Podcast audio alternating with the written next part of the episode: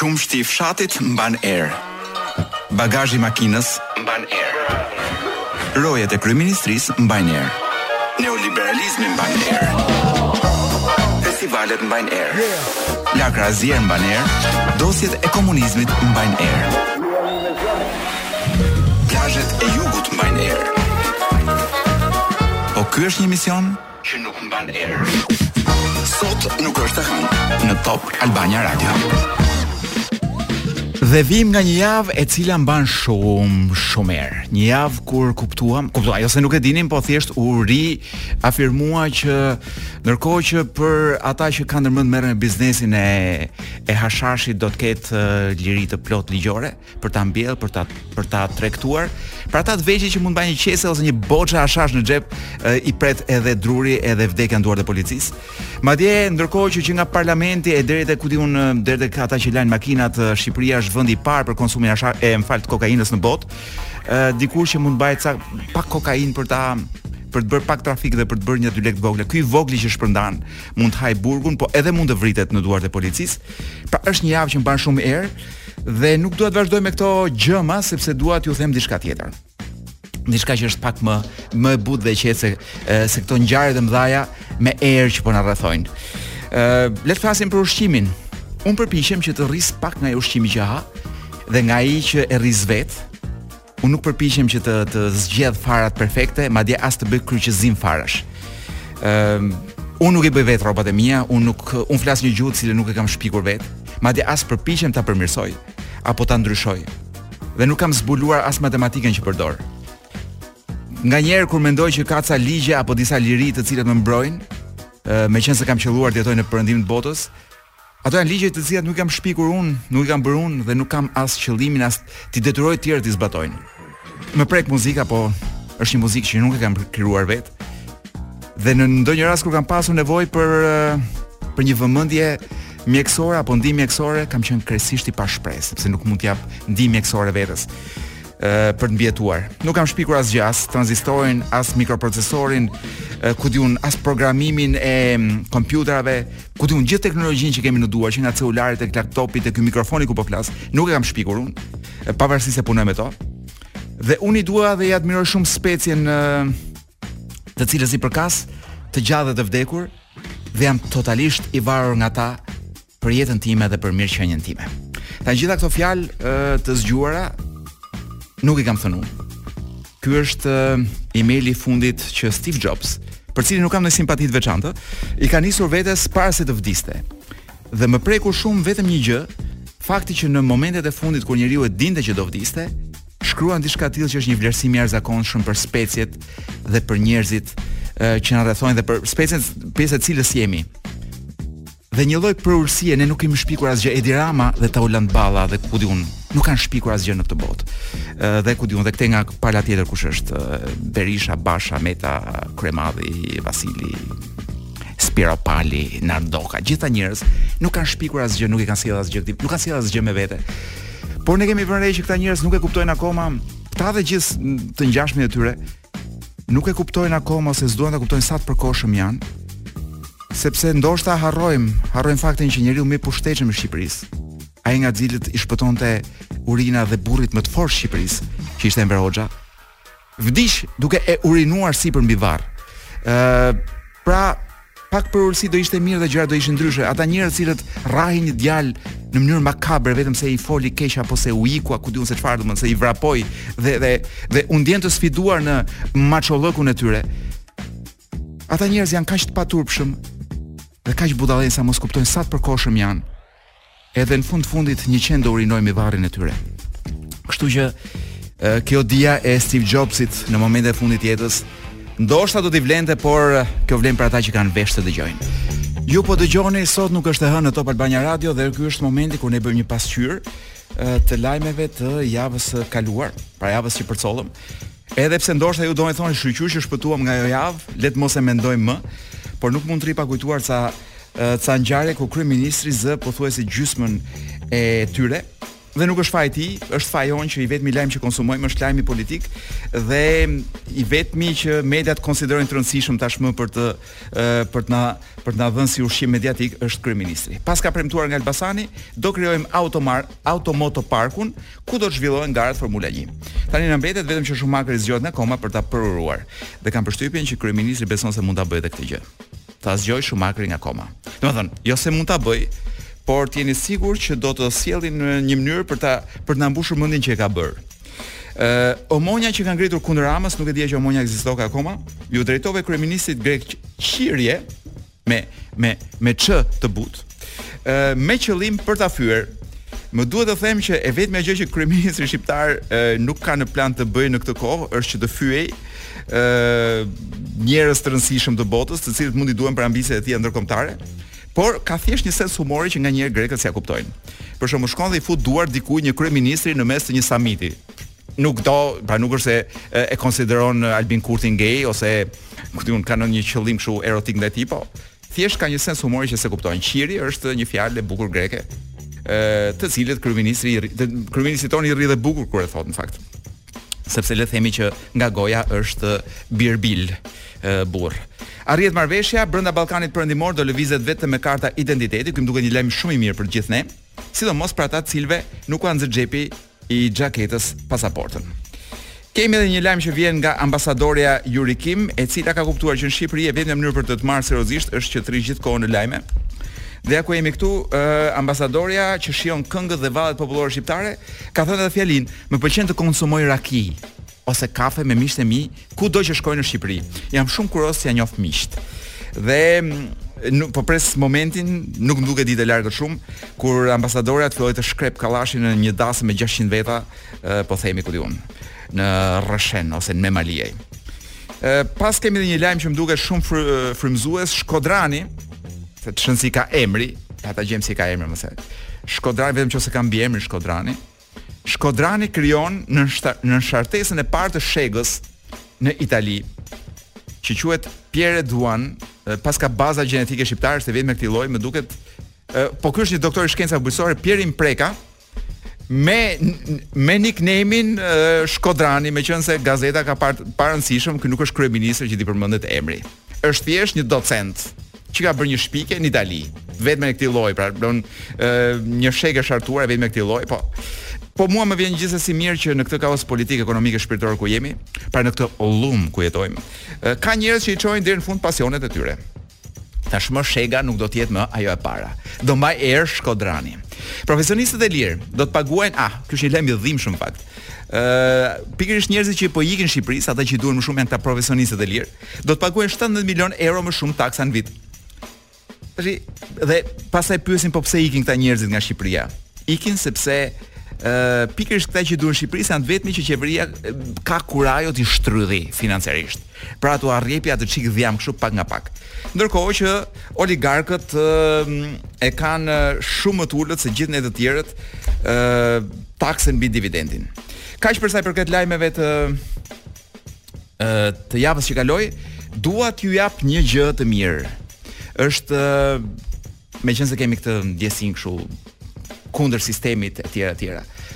Kjo është një këngë e viteve 90 mos gabohem, por ka një përmbajtje goxha të thellë, si me thënë, do thosha unë shoqërore politike, Beautiful People nga Marilyn Manson dhe është një këngë e cila flet për mënyrën se si duhet të mbijetosh në një në një shoqëri kapitaliste, vetëm duke qenë një nga këta të ashtuquajturit njerëz të bukur. The Beautiful People. Ka edhe libra që mbajnë erë, po ky që kam unë në duar është një libër i mirë.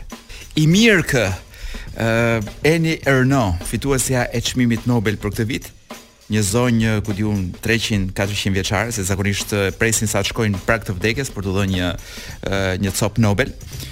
Pasioni i thjeshtë është një libër i botuar nga botimet Dudaj, është botuar kohë më parë. Ë libri në fakt është vetë është një botim i vitit 1992.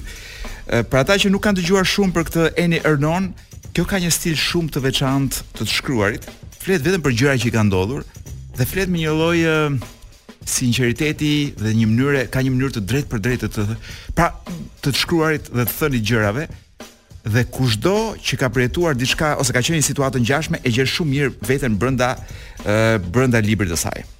Libri në fjalë që unë kam në duar dhe do ta lexoj sot për herë të fundit, është pra është pjesa e tretë që do lexoj sot, titullohet Pasioni i thjeshtë thashë. Është përkthyer le ta gjej ku është përkthyesja këtu. sepse ku ma kanë bërë. A po, Klarita Lagji, unë mendoj që është një përkthim i mirë. Po e çoj drejt e në faqen e fundit sepse është momenti për mua një nga momentet më të bukura të librit. Faqja 85. Qofse kujtohet, kjo fliste gjithkohën për një burrë me cilin ishte ndarë. që quante A. Të dielën e parë të luftës në mbrëmje ra telefoni. Zëri i A-së. Për disa sekonda më kapi tmerri. E përsërisja emrin e tij duke qarë. Ai thoshte jam unë, jam unë me plogështi. Donte të më takonte menjëherë, do të merrte taksi. Në atë gjysmë ore që më mbetej derisa të vinte bëra tualetin, u bëra gati me kokën që më vinte vërdallë. Pastaj prita në korridor e mbështjellë me shallin që ai nuk e kishte parë kurrë. shikoja derën e hutuar. Ai hyri pa trokitur si përpara. Duhet të kishte pirë shumë, i merreshin këmbët ndërkohë që më shtrëngonte në krahë dhe gati u rrëzua në shkallën që të ngjiste në dhomën e gjumit. Më pas nuk deshi gjë tjetër veç të pinte kafe. Jeta e tij në dukje nuk ka ndryshuar. E njëjta punë në lindje si kur ishte në Francë, pa fëmijë, megjithëse shoqja donte të kishte një. Vazhdon të ketë një pamje rinore në moshën 38 vjeçare. por disi më i rrudhur në fytyrë. Thonjtë i ka më pak të dukshëm, duart më të ashpra, pa dyshim për shkak të të ftohtit në vendin e tij. Qeshi me lot kur e qortova se nuk ishte bërë gjallë qysh kur kishte ikur. E po ja do të kishte do të të kisha telefonuar Mirëdita si je. E pastaj nuk e kishte marrë kartolinën që i kisha dërguar nga Danimarka në vendin e tij të mëparshëm të punës në Paris. I veshëm përsëri rrobat që na ishin bërë lëmsh në dysheme, Dhe unë e shoqërova në hotelin që kishte zënë pranë Etualit. Kur ndaleshim përpara dritave të kuqe të semaforëve, nga Nanterë deri në Pon dë Nëji, putheshim dhe ledhatoheshim. Në, tun në tunelin e Defans, duke u kthyer për në shtëpi, mendoja, ku është historia ime? E pastaj, mendoja, nuk pres më asgjë. Ai iku tri ditë më pas pa u takuar dhe një herë tjetër. Në telefon përpara nisjes më tha, do të të telefonoj. Nuk e di nëse kjo do të thotë se do të më telefonojë nga vendi i tij apo nga Parisi, kur t'i bjerë rasti të kthehet përsëri. Nuk e pyeta. Kam përshtypjen se ky kthim i tij nuk ka ndodhur fare. Nuk e shoh të zërë vend asgjëkundi në kohën e historisë sonë. Është veç një datë, 20 janari. Madje ai burrë që u kthye atë mbrëmje tek unë nuk ishte më ai që e mbaja mend, ai që e mbaja brenda vetes gjatë atij viti kur ishte këtu dhe më pas ndërsa shkruaja. Atë burrë nuk do ta shihja më kurrë. E megjithatë është ky kthim, ireal, thuajse i paqenë, që i jep kuptim pasionit tim, që në fakt nuk ka asnjë lloj kuptimi, që pati qenë për dy vjet me radhë, realiteti më i dhunshëm, që mund të kem njohur, dhe më, më i pashpjegueshmi. Në këtë fotografi që mezi dallohet e vetmja që kam prej tij, shoh një burrë të gjatë dhe bjond. Një ngjashmëri e largët me Alen Delonin. Gjithçka e tij ka qenë e, e çmuar për mua, sytë, goja, seksi, kujtimet e tij të fëmijërisë, mënyra e tij e rrëmbyer për të kapur objektet, zëri i tij. Desha të mësoja gjuhën e tij. Ruajta pa larë një gotë me të cilën ai kishte pirë. Dëshirova që, nëse do të më duhej të mos e shihja më kurrë, më mirë të më rrëzohej avioni me të cilin po kthehesha nga Kopenhageni. Verën e kaluar e mora dhe e vura këtë fotografi mbi varrin e Shën Antuanit, duke uruar që ai të kthehej së bashku me të tjerë njerëz që vinin aty me një shami apo një letër të palosur ku kishin shënuar lutjet e tyre. A e ka merituar ai këtë apo jo? Kjo sigurisht që nuk ka asnjë kuptim. Dhe fakti që gjithë kjo ka filluar të më duket si diçka e huaj, sikur të kishte të bënte me një grua tjetër, nuk ndryshon asgjë. Në sajë të tij, unë iu afrova kufirit që më ndan nga tjetri. Deri në atë pikë, sa ndonjëherë mendoja se e kapërceja atë. E mata kohën ndryshe me gjithë trupin tim.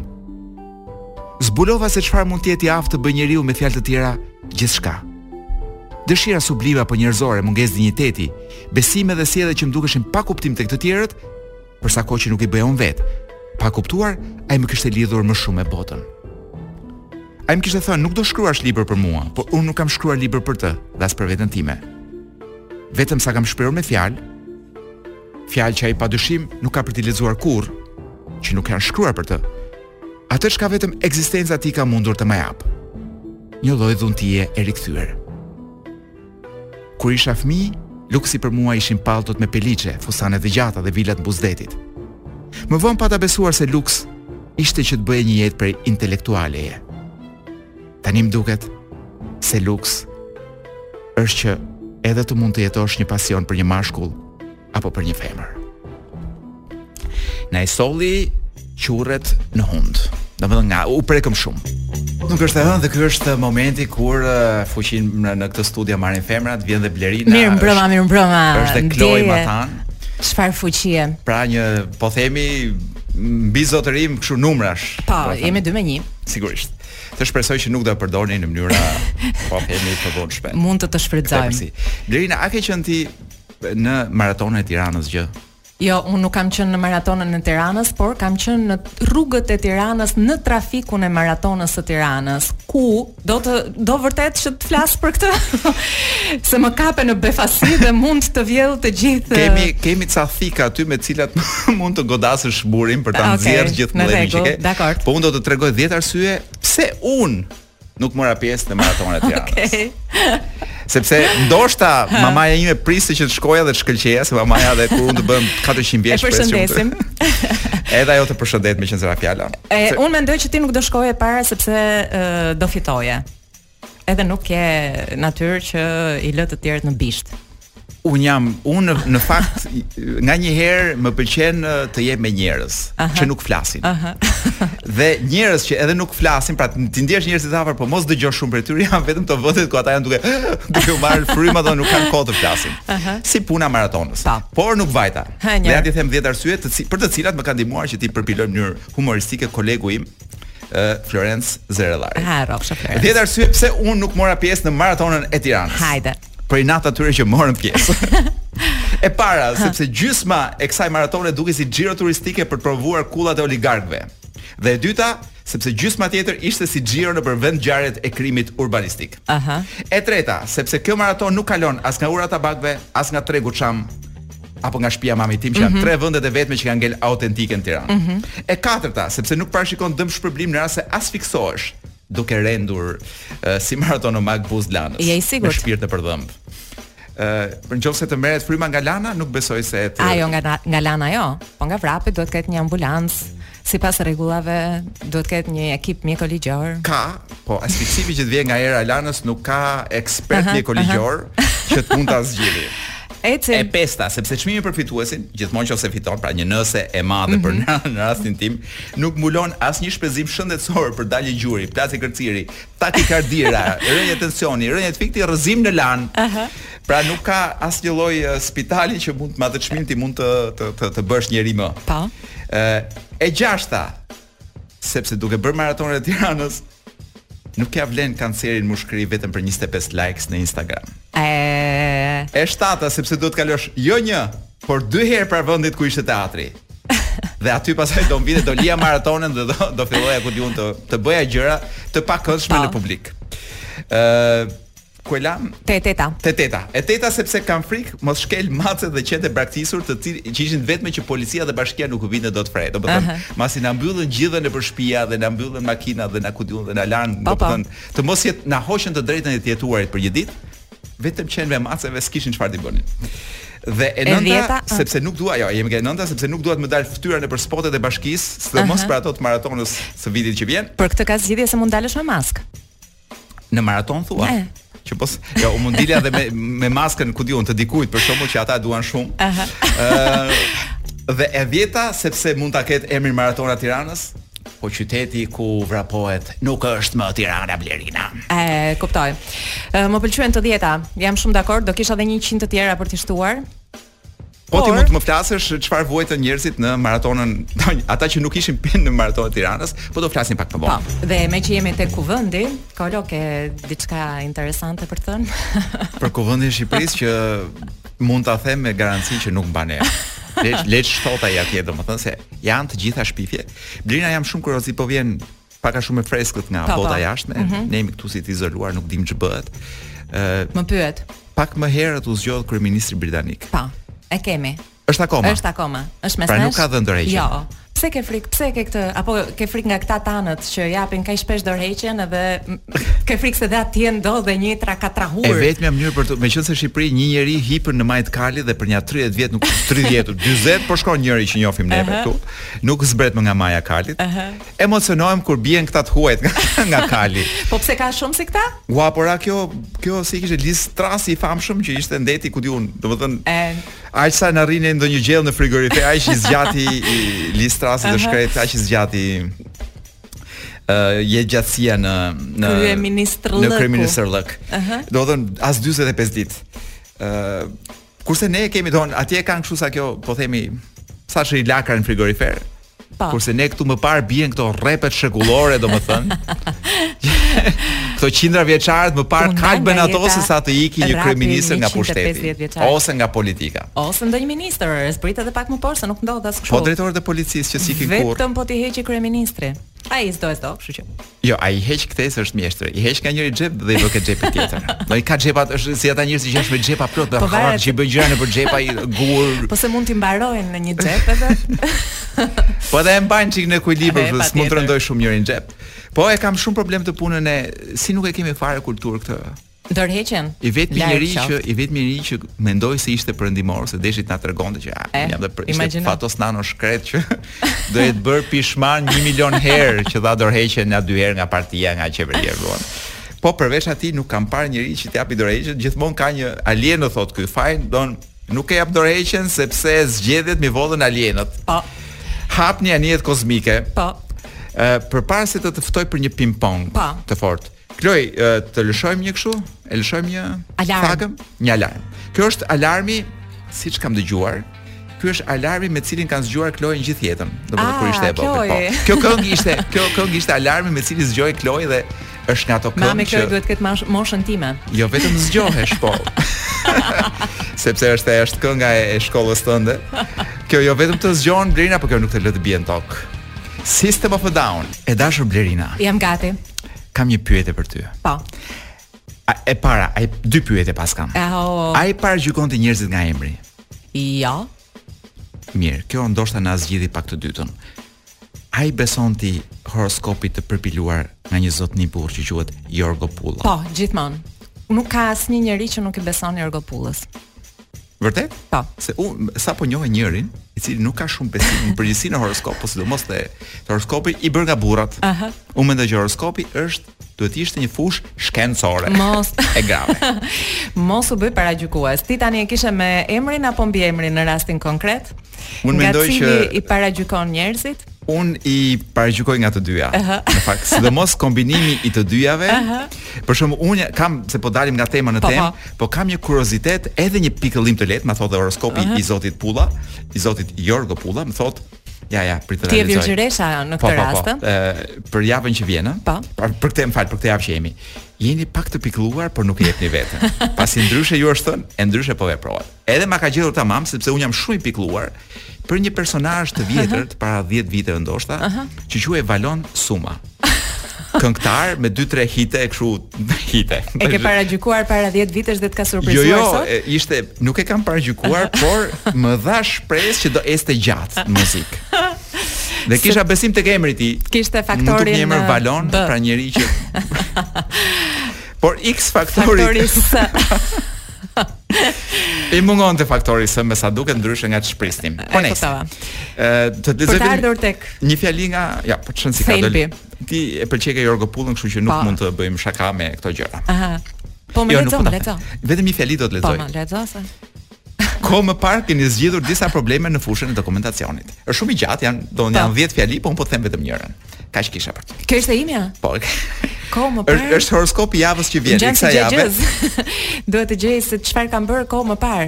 Jo, po ti prisje horoskopin e kësaj jave. Dhe të thotë ç'ke bërë kohë më parë. Po sepse do të tregoj edhe që ta ka gjetur, po, që ti të kesh besim në të ardhmen. Besoj publiku e kupton që nuk duhet që prej meje të heq dorë nga zoti Jorgo Pulla. Jo unë thjesht po mundohem të bëj pak shaka kështu në të mirë të punës. E kuptoj. Kthehemi tek ping-pongu jonë me lajme nga bota. Informativ, po. Kanë ndodhur gjëra surprizuese, eksituese, të çuditshme, të paimagjinueshme, nuk di nga t'ja nis Kolo, do ta nis nga ky lajmi që thotë që e, praktikisht mbas një e, studimi ose sondazhi të bërë diku në Shtetet e Bashkuara të Amerikës, ku ti e di shumë mirë sa përpara janë me fantazinë dhe shkencën po, janë, e gjitha. Po janë 3-4 ditë ndoshta 2-3 javë përpara po. Na rezulton mor Kolo që 14% e personave gjatë orarit të punës i jep mundësinë vetes të kënaqet në mënyrë uh, autoerotike, kështu mund ta themi? Ua, ç'më the? Po. sepse fiks në këtë moment në radio jemi 10 persona. Që do të thotë 14% e këtyre janë praktikisht një person dhe një pjesë e trupit të një personi tjetër. Okej, okay, them që gjatë këngës tjetër dalim për një xhiro dhe të shohim nëse sondazhi është i vlefshëm edhe në Shqipëri. Kush i bën këto turpe?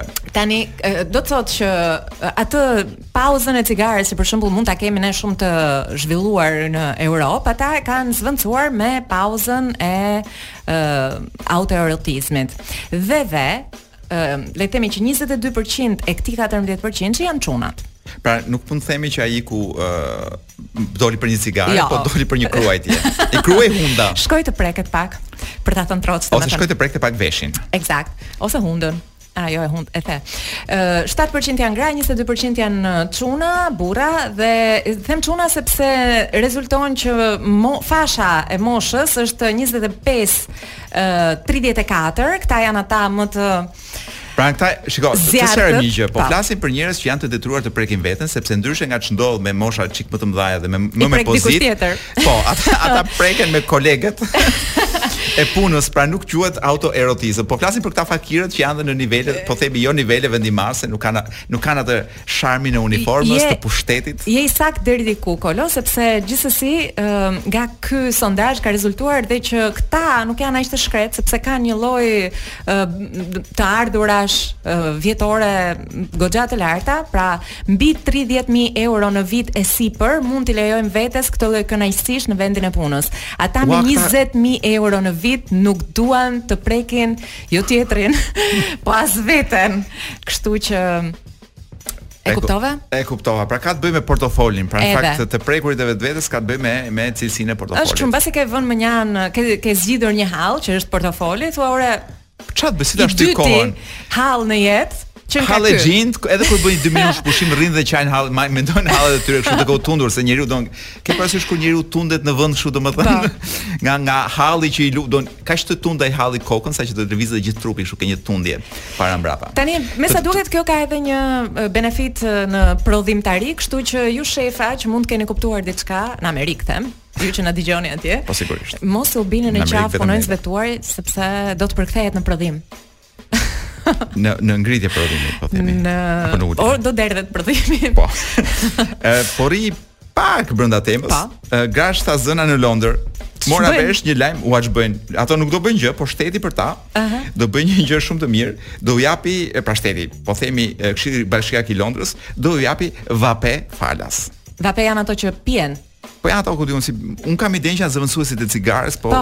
duke meqenëse s'pi cigare vetë dhe nuk e kuptoj po, mirë se ç'po pin njerëzit tashmë. Cigaret me djegje. Po shoh njerëzit që vënë gjëra në gojë vazhdimisht, që herë janë të mëdha, herë të vogla, herë petashuqe, herë cilindrike. Rumbullaka, cilindrike, po, janë të ndryshme. Vape-ja duhet të jetë njëra nga këto. Po, dhe janë me aroma. Dhe më duket një in, in, in, incentiv shumë e mirë për të bërë fëmijë. Mbasi do marrë gjëra falas si mund ta bësh një fëmijë. Mbasi u dhuruan uh, peceta thithëse Mm, jo, jo këtyre, grave të tjera, atyre që akoma nuk janë shtatzënë akoma. Që nuk janë akoma shtatzënë.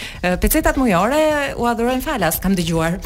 Është fiks si këshilli bashkiak joni, i cili vetëm rrit çmimin e po themi të biletës të tjetrës të tjetrës. Si me thënë, gjithçka në të mirë të qytetarëve. Fiks.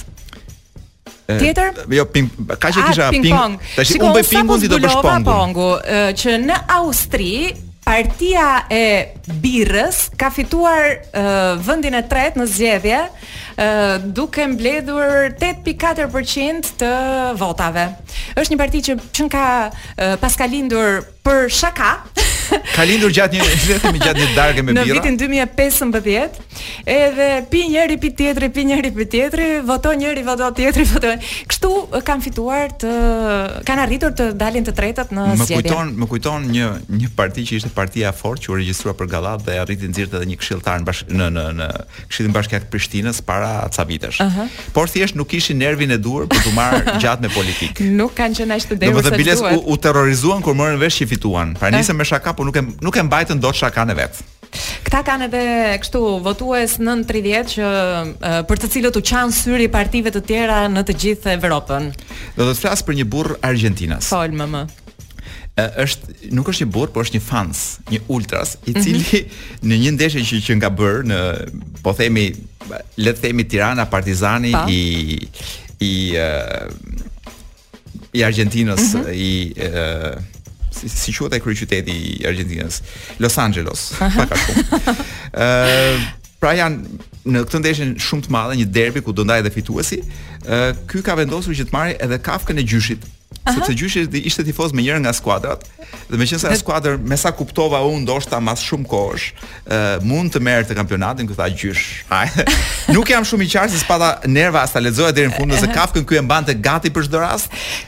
Apo, apo i hyri e gërmoi, si me thënë, momentin që mori vesh që kishte shanse të mira. Ose e mbante për të, siç i themi ne fëmijëve të vegjël, haje se erdhi xhaxhi polici. Ore, Kjo është shprehje që u themi ne fëmijëve të vegjël ka një të vërtetë të madhe, tani që e mendoj, kur bëj lidhjet me ngjarjet e fundit që ndodhin. Haje se të erdhi xhaxhi polici. Po po sigurisht. Domethënë nënat tona e kanë ditur shumë mirë se ç'është polici shqiptar. Aha. Uh -huh. Simboli, se, po, po simboli i edukimit edhe i i paqes, po. Tani un do ta devijoj pak, do ta kthej me ngjyra roz bisedën. Ë megjithëse Kjo kjo kafka ime kishte marrë si roz, le të them, pra nuk ishte po, nuk ishte fare e zezë. jo, se po e shihja në foto dhe ishte kish marrë një si ndriçim e shkreta kafkë e gjyshit. Në fakt edhe kjo do nisi si roz. Nuk fituan ata, nuk jo, fitoi don. Po gjyshi. Ters, ters lek. Jemi rikthyer përsëri në Top Albania Radio. Unë jam Blerina, është Kolo bashkë me ne jeni ju. bashkë me ju jemi ne. Është dhe Kloi, pavarësisht se na ndan një xham aty është. Është and Kloi. Po. Që emri i është, është është fiks për këtë program. Dhe që është praktikisht është kasapja jonë, domethënë që është vap të thotë bom, vap të pret këmbën. Di që do më thuash diçka shumë interesante. Un kisha në plan të diskutoja një gjë që më rri këtu, po më ha xhanin. Nxirre. Ose prit ta nxjerr pak nga pak se nuk nuk nuk nxirret e gjitha për po. njëherësh. Është vizita e kryeministrit tonë në Izrael. Kur vajte mor aman? Vajti, vajti, nuk e dim se nuk e marrim vesh kurrë, pra është një i vetmi vend ku nuk dihet kurrë, vetëm kur na japin lajme, është këtu thon. Pra edhe Bideni që është njeriu më i ruajtur në në planet, Aha. jo, edhe Kim Jong Uni, as e ka Kim Jong Un, si ka ky i Kim Jong Un. Uni, po. Edhe ky dihet pak a shumë ku është. Rrallë herë i fshin ato, nganjëherë i fshin ato vendet, po dihet që është. Vetëm ky i joni nuk merret vesh kurrë se ku do jetë. Mos më thuaj që ka shkuar të luaj kukamçeftin në Izrael. Ja mbylli njeriu syt? ka sytë jo po e gjeti njëri kush është mbrapa sytë jo po ka dëmet dëmet dëmet dëmet i ka bër vetëm me gojë këtë radhë dëmet ka ngre, ka thën atë që s'duhet që si si si si është ka dorë mund të jetë problemi im po un nuk e marr dot seriozisht kryeministrin e e këtij vendi un thjesht nuk e shoh më për shembull kishte vajtur kishte takuar një në mos presidentin kryeministrin mm -hmm. e mhm. Izraelit tani von po them është një lajm i para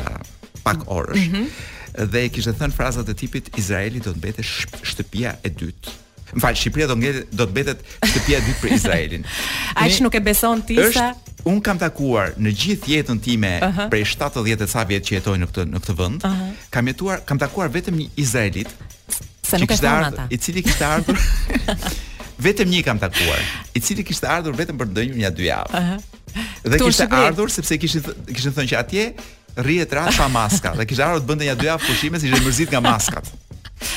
Dhe unë nuk e di se kujt ja thot shpinë e dytë kur izraelitët i kanë nja pesë shtëpia në Amerikë, dy po të them. Po ta dinë njëherë ata.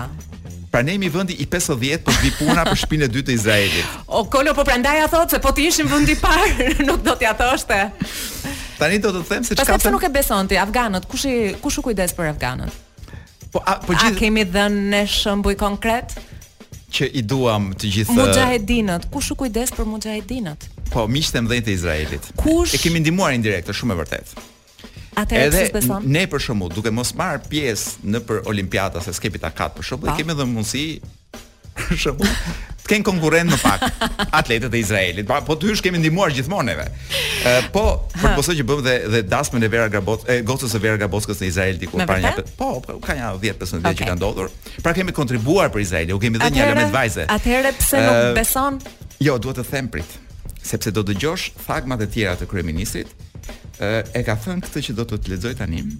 E ka thënë në një universitet sepse ata shkretët, ku diun, u vjen një kryeministër nga jashtë e çojnë shëtisin. Shiko ç'ka thënë. Do ta lexoj të plotë. Thuama. Gjyshja ime ishte katolike. Ky ngjan një rrëfim shumë i sinqertë. Po, ka dashur të tregoj që nuk është nga këta ku diun. Pavarësisht se rri e pi e ha e pi me Erdoganin, po nuk ja, po nuk është. Nuk është i pafe. Si më është është çikë afër këtyre. Ajo nuk shkoi kurrë në universitet, -hmm. Por më besoni ka thënë se kishte një mençuri të pak të pakrahasueshme me gjithë shkencëtarët që unë njoh në Shqipëri. Sa herë dikush thotë më besoni, kam tendencën të mos ta besoj. Pikërisht. Pra, që në fjalinë e parë nuk hedh baltë dhe kakë mbi gjithë sistemin shkencor të Shqipërisë. Uh -huh. Në një vend të huaj, Pra shkon atje dhe bën baltë, pra ngre një një injorante të pashkollë që ndoshta nuk dinte as shkrim dhe as këndim. Mos fol ashtu, mos fol ashtu. Për gjyshen e kryeministrit. Mos fol ashtu tani. Se çfarë mund të ndodhë? Do na bëni gjë? Mos jo, ajo jo, po. Pra një një një zonjë grua ah, injorante dhe pa shkollë, ah. ky e ngre mbi gjithë sistemin shkencor që ka po themi ka të paktën 80 vjet që ngrihet në këtë vend, mirë apo keq. Me këto mundësi që kemi. Pa. Se sh... po se po pa... thoshte në shkollën e parë shqipe. Pra, një është kjo, e dyta është Ajo më thoshte kur prindrit e mi ishin të pakënaqur me mua, se meqë ra fjala isha një fëmijë i vështirë. Se meqë ra fjala jo vetëm je, ne jemi të pakënaqur me të, po edhe prindrit e tij kanë qenë të pakënaqur me të.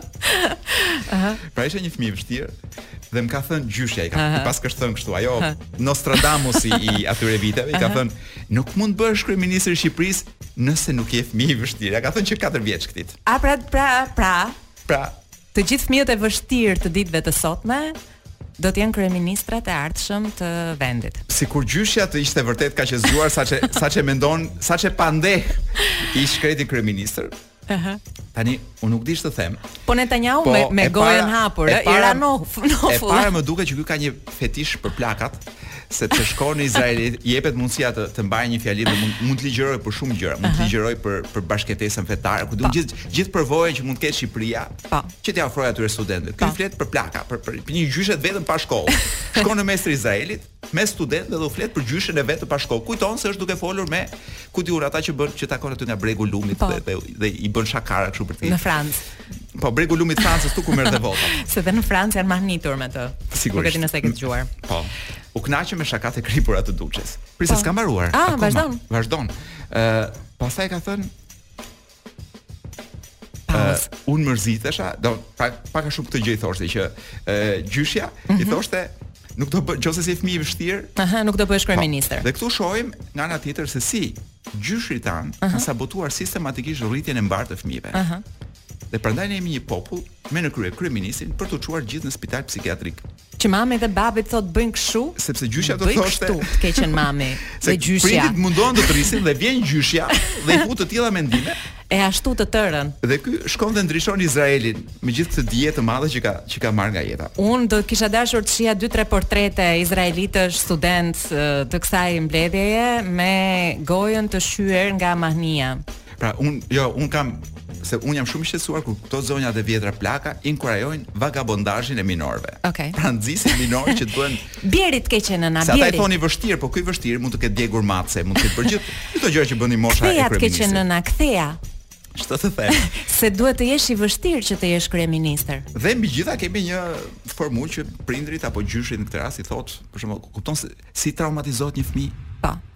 Ai ka lind, ai është një fëmijë Vunoi.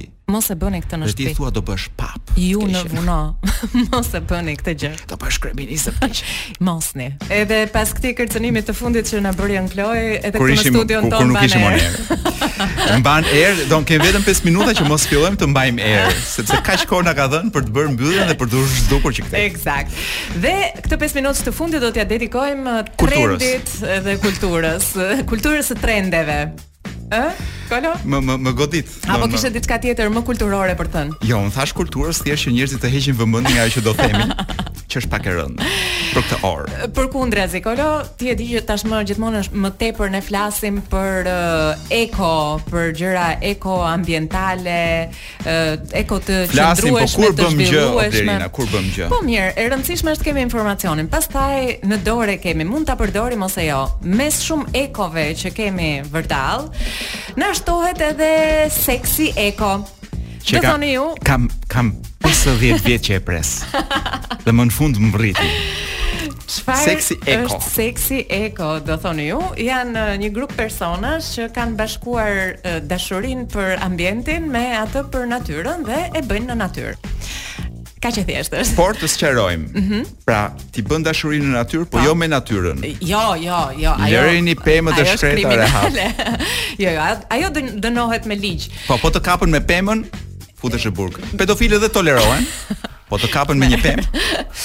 Ë kanë zhvilluar veç kësaj Kolo edhe një sektor tjetër shumë interesant që është ai i lojrave të seksit. Po të cilat... edhe lojrave me dorë tash ku s'pas ka fund ky trend. Por edhe lojrave me dorë, me lojra seksi, me lodra seksi, të cilat deri më sot janë realizuar me materiale të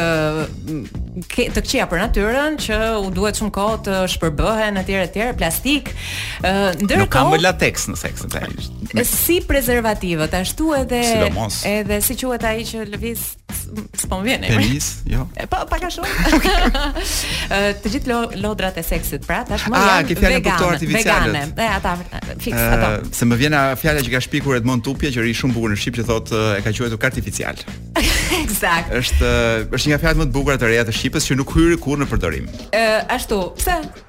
Artificial vegan, do ta quajmë. Vegan ekstrem vegan. Ekstrem, po. Edhe një grup tjetër akoma më ekstrem janë uh, një grup norvegjez, të cilët tashmë, meqenëse kanë një dashuri shumë të madhe për pyjet dhe natyrën, kanë vendosur të xhirojnë um, video të shkurtra amatoriale porno në pyje dhe të ardhurat që mbledhin nga videot porno i ë uh, i çojnë pastaj për mirëmbajtjen e pyjeve. Kuptova. Pra në qoftë se ne duam realisht të përmirësojmë Lanën, ne duhet të bëjmë video porno në Lanë, t'i shesim edhe po s'dimë ku t'i japim se do na i vjedhin. Tani un kam një pyetje në të gjithë këtë. Ë uh, të të dëmtosh ambientin është gabim. Po pornografia. Po ta po ta përdhunosh ambientin, domethënë. jo, të përdhunosh, domethënë, nuk përdhunon njeri, po Pornografia kam përshtypjen që është e palejuar. Ë pornografia mendon ti se është e palejuar. Po ti nuk ke hapur kanalet muzikore shqiptare për të parë çdo ditë. Mjafton ta lësh pa muzikë, se nuk po them që muzika është një është një porno porno audio grafi. Ë po vetëm duke parë vizualisht se ç'bëhet, dhe është një trend që zgjat prej 10-15 vjetësh ky i videoklipeve erotike. Dhe që pyjet nuk përfitojnë asgjë. Pyjet, ambienti nuk përfiton asgjë nga nga videoklipet shqiptare. Pra ne mund po të ishim një popull vërtet i dhënë pas ekologjisë, do kishim gjetur mënyrën për ta për ta përmirësuar pak ambientin vërdallë. E dashur Blerina. Ka ardhur momenti. Ka ardhur momenti të të, të lëshoj një këngë. Dhe po nuk është edhe e fundit apo jo? Kënga është kënga nga nga më nga më të mirat që ka prodhuar ndonjëherë pylli, do mhm. njerëzimi. Ëh, po këtu janë 1000 muzikantë që e këndojnë ah. dhe e luajnë nëpër vegla. Ëh, janë me qindra bateristë, me qindra kitaristë edhe vokalistë që ah. luajnë një këngë të vetme në një stadium të madh. Ah. E gjitha kjo për ty edhe për gjithë ato grupet porno friendly eco edhe ju që jeni aty që po na dëgjoni po, se bashkë rikthehemi mbas një jave në Top Albania Radio